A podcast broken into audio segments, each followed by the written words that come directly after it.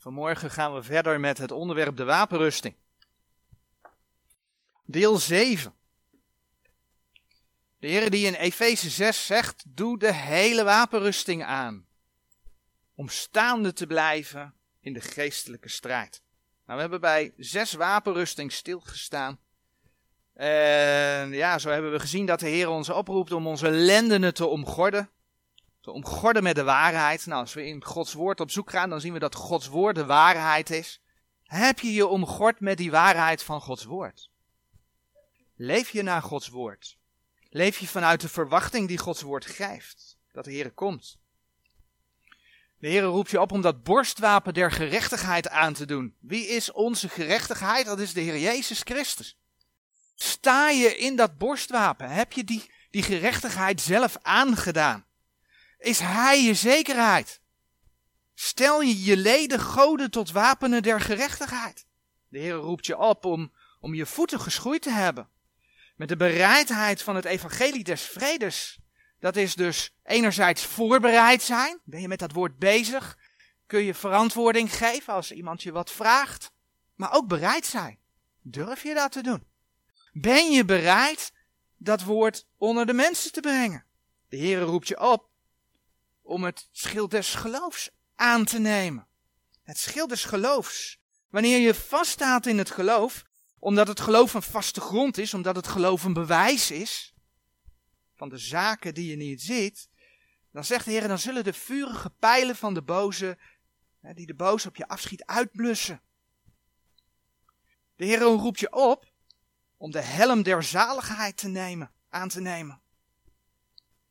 Leid je je gedachten tot de gehoorzaamheid van Christus? Behoed je je tegen dwaalleer? Houd je de bijbelse verwachting vast? Of ga je door filosoferen steeds verder van Gods woord af?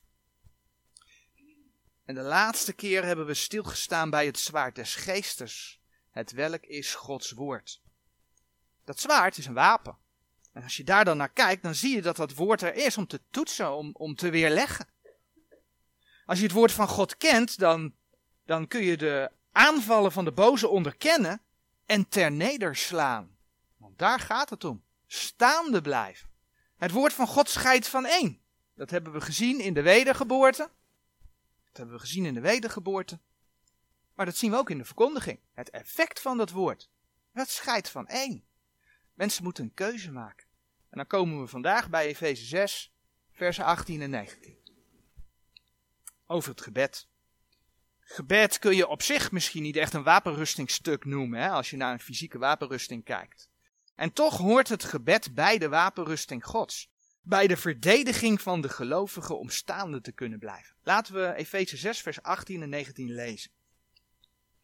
Nadat er in vers 17 dus staat, en neem de helm der zaligheid en het zwaard des geestes, het, en het zwaard des geestes, het welk is Gods woord, lezen we in vers 18, met alle bidding en smeking, biddende te allen tijden in de geest.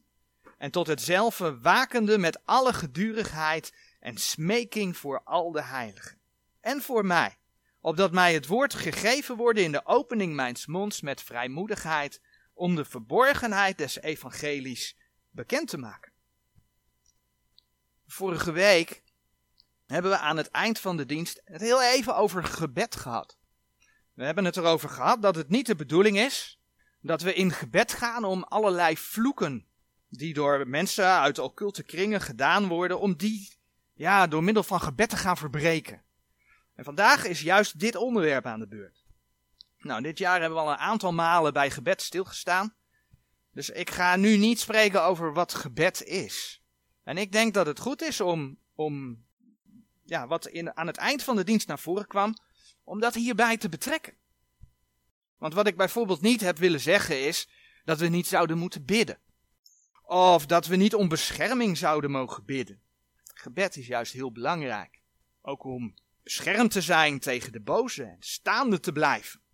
al trek je al die andere wapenrustingstukken aan waarbij we stilgestaan hebben. Maar als je niet bidt, dan heb je toch niet de gehele wapenrusting Gods aan waar de Heer toe oproept. Dus als er iets duidelijk is, dan is het wel dat Efeze 6, vers 18 en 19 laten zien dat gebed voor de wederom geborenen van essentieel belang is. Echt van essentieel belang. Nou, dat de Heer een gebed belangrijk vindt, zien we bijvoorbeeld ook in 2 Timotheus 2, eh, sorry, 1 Timotheus 2 vers 1. Waar geschreven staat, ik vermaan dan voor alle dingen, dat gedaan worden smekingen, gebeden, voorbiddingen, dankzeggingen voor alle mensen. Het is ten eerste een, vermaan vermaning. Ik vermaan dan. En dan staat er ten tweede, ik vermaan dan voor alle dingen. Ja, waarom moet dat een vermaning zijn? Nou, afgelopen week hadden we het over het onderwerp strijden om te groeien. En daarbij stonden we stil bij het feit dat het vlees lui is. Ja, en dan is het ook een hele menselijke, vleeselijke reactie om bidden maar even snel te doen. Maar bidden is belangrijk. Het helpt je dus om geestelijk staande te blijven. Neem je de tijd om te bidden. En dan dus niet alleen om je noden bij de Heer neer te leggen. O Heere God dit, o Heere God dat. Ik chargeer nu een beetje, hè, want ik weet dat er noden zijn, dat het heel goed is om dat bij de Heere God neer te leggen. Maar wij mensen zijn van het vragen. Neem je de tijd om te bidden, maar dan dus ook om je zonde te beleiden. Ook om de Heer te danken voor wat Hij gegeven heeft. Ook om de Heer te prijzen voor wie Hij is. Reserveer je daar tijd voor. Maar om dan terug te komen op de vraag. Moeten wij niet al die vloeken die over ons worden uitgesproken te niet doen door gebed? Nou, die vloeken kun je zien als een van die vurige pijlen die de boze op ons afschiet. Dat is Efeze 6, vers 16. Het is een feit dat deze wereld in het boze ligt. In Galaten 1, vers 4 lees je dat heel duidelijk. En dat die wereld in het boze ligt is echt niet sinds, wat was het, februari, maart 2020. Dat is al vanaf de zondeval. Vanaf de zondeval ligt de wereld in het boos. Maar vandaag de dag wordt dat meer dan eens duidelijk. En die vijand, de duivel, en dan bladeren we naar 1 Petrus, die probeert alles te verslinden wat hij op zijn pad krijgt. Als we in 1 Petrus 5 kijken, vers 8 en 9, dan lezen we in die versen. Zijt nuchter en waakt, want uw tegenpartij de duivel gaat om als een briesende leeuw zoekende wie hij zou mogen verslinden den welken wederstaat, vastzijnde in het geloof, wetende dat hetzelfde lijden aan uw broederschap, die in de wereld is, volbracht wordt. Je mag de duivel dus weerstaan door vast te staan in het geloof. Maar waar waren we nou met die wapenrusting de hele tijd mee bezig? Die wapenrusting is er zodat je kunt vaststaan in het geloof. En gaat die wapenrusting over het verbreken van vloeken? Nee, daar gaat die wapenrusting niet over.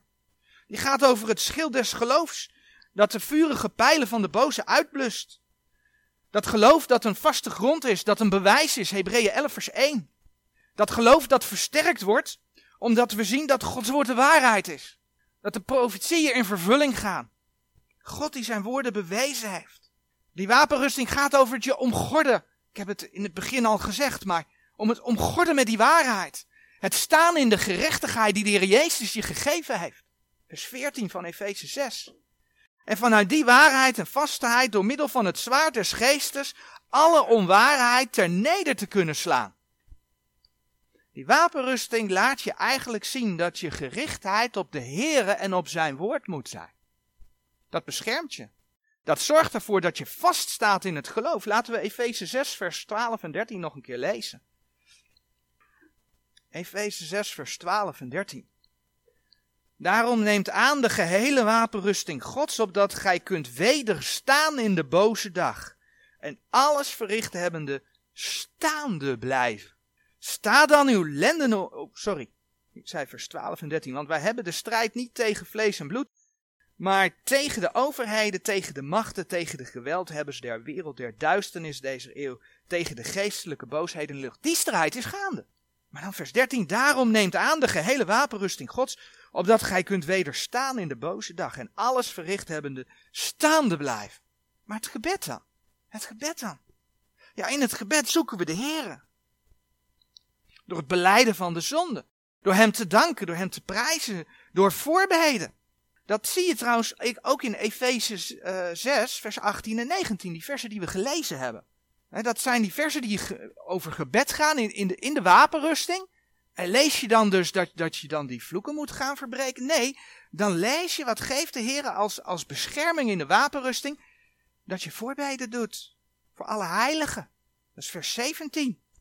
Dat je voorbeden doet, vers 18, zodat het woord voortgang vindt. Daar vraagt de Heer voor dat we bidden.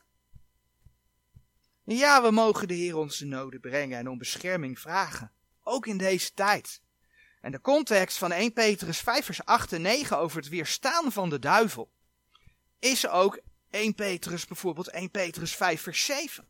Werpt al uw bekommernis op hem, want hij zorgt voor u. Dat is de context. Je mag alles bij de Heer brengen, want hij wil voor je zorgen. En de Heer 1 Korinthe 10 vers 13 belooft dat hij met de verzoeking de uitkomst geeft. 1 Korinthe 10 vers 13. U lieden heeft geen verzoeking bevangen dan menselijke, doch God is getrouw, welke u niet zal laten verzocht worden boven hetgeen gij vermoogt. Maar hij zal met de verzoeking ook de uitkomst geven, opdat gij ze kunt verdragen. Dat is een belofte die de Heer geeft.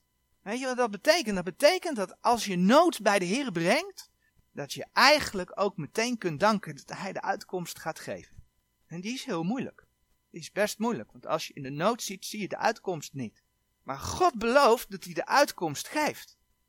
Heren, u weet welke nood ik heb, maar dank dat u de uitkomst gaat geven. Dank te alle tijden. Dank dat u de uitkomst gaat geven. Je kunt de Heere zelfs bidden dat hij weerhoudt. Psalm 140, vers 9. Een uh, hele toepasselijke tekst voor vandaag de dag. Geef, heren, de begeerte des goddelozen niet. Bevorder zijn kwaad voornemen niet. Zij zouden zich verheffen. Wat zien we in deze tijd gebeuren? De goddeloos verheft zich. En het is zover dat de mensen de leugens die ze verspreiden geloven. Gaan er massaal achteraan. Het is normaal dat alle rechten worden ingetrokken. Ik zag van de week een filmpje uh, uit, over de situatie in Australië. Daar is het nog weer een gaatje erger als hier. Loopt een beetje voor, denk ik. Maar langzamerhand zie je dat systeem ontstaan dat mensen een, een, een teken moeten laten zien. Ik noem het maar even QR-code, teken. Dat mensen iets van een teken moeten laten zien. Alleen ja, het is nu op je mobieltje. In veel plaatsen hebben ze een polsbandje. Dat is makkelijker. Ik zou zeggen, doe het op je rechterhand. Komt iets dichterbij, uh, iets dichterbij de, de vervulling al van openbaring 13. Langzaam zie je dat ontstaan. En dan mogen wij nog steeds bidden, want we zijn hier. Geef, heren, de begeerte des goddelozen niet, bevorder zijn kwaad voornemen niet, zij zouden zich verheffen. En wat ook een gebed is, heren, u gaat gerechtigheid doen. Bidden wij het ze toe? Dat ze straks afgerekend worden als ze voor de Almachtige God staan? Nee, want we bidden ook, we bidden ook, heren, u kunt geven dat ze tot inkeer komen. Dat ze u mogen gaan leren kennen. Dan zult u zich redden. Maar God gaat afrekenen met de ongerechtigheid die de mensen op deze aarde bekokstoven. Gaat hij doen. Er gaat gerechtigheid komen. Dat is de Bijbelse boodschap. Houdt de Heer alle ongerechtigheid tegen? Nee, dat zien we in deze tijd.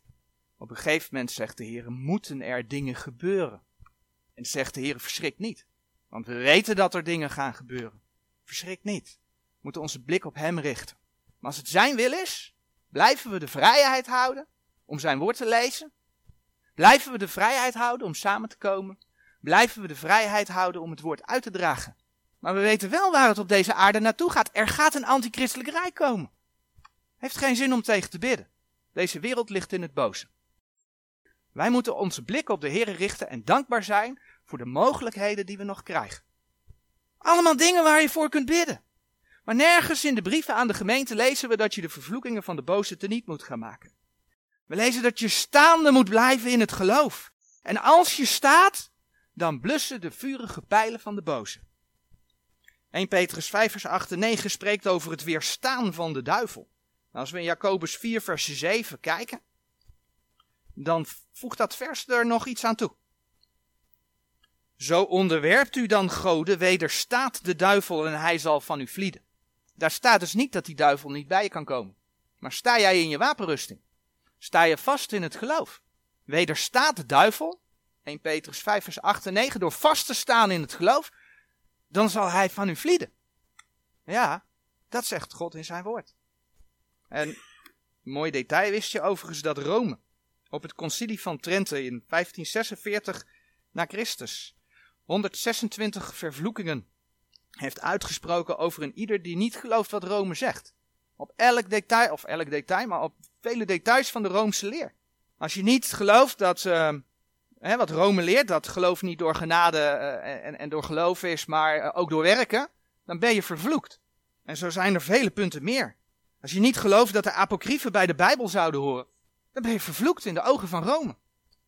Als je niet gelooft dat de sacramenten jouw genade kunnen verlenen, dat die erbij horen, als je dat niet gelooft, ben je in de ogen van Rome vervloekt.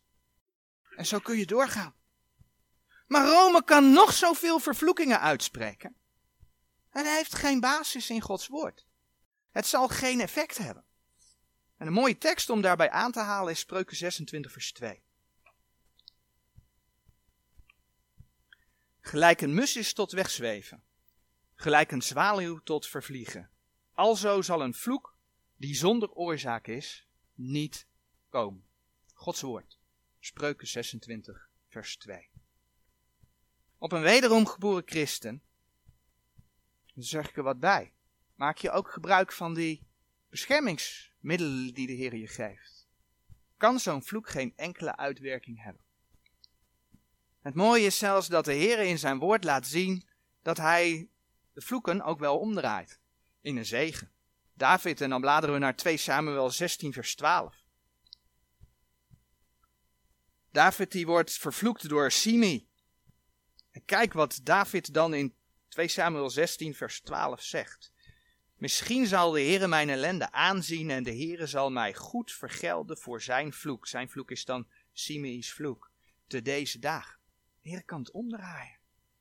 Ik denk dat we allemaal de geschiedenis van Biliam wel kennen. Biliam die geroepen was om Israël te vervloeken. Wat gebeurt er? God zorgt ervoor dat die vloek verandert in een zegen. Biliam spreekt een zegen uit. Dat is onze God. Maar ja, dat betekent wel dat we soms met lastige situaties te maken krijgen. Dat klopt. En dat is niet altijd makkelijk. Maar ook daarin helpt die wapenrusting Gods je dus om staande te blijven. We mogen de Heeren bidden om wijsheid. En een mooi voorbeeld vinden we natuurlijk bij koning Salomo. 1 Koningen 3. Koning Salomo die zichzelf jong vond, terwijl hij wel de verantwoording kreeg voor een heel volk. Voor een groot volk. En wat doet koning Salomo? Koning Salomo gaat de Heere God om wijsheid bidden. 1 Koningen 3 vers 7, daar lees je hoe Salomo zichzelf ziet. En in 1 Koningen 3 vers 9 lees je Salomo's gebed.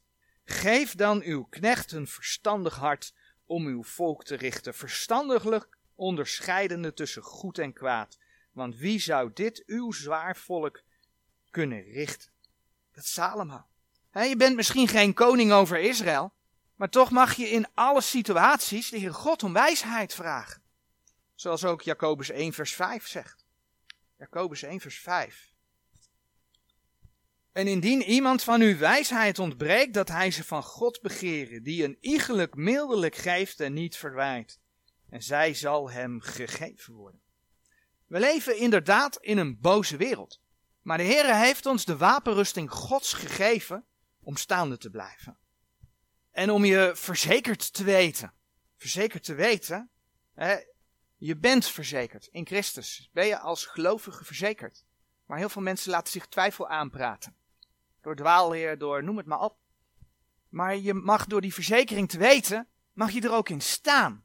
Laat je niet uit het veld slaan. God zegt dat je het zeker kunt weten. Je kunt zeker zijn van zijn redding. Daarom de vraag, maak je ook gebruik van die wapenen? Het is niet voor niks dat de Heere God in, in Efeze 6 vers 11, Efeze 6 vers 11 zegt, doet aan de gehele wapenrusting Gods, opdat gij kunt staan tegen de listige omleidingen des duivels. Amen.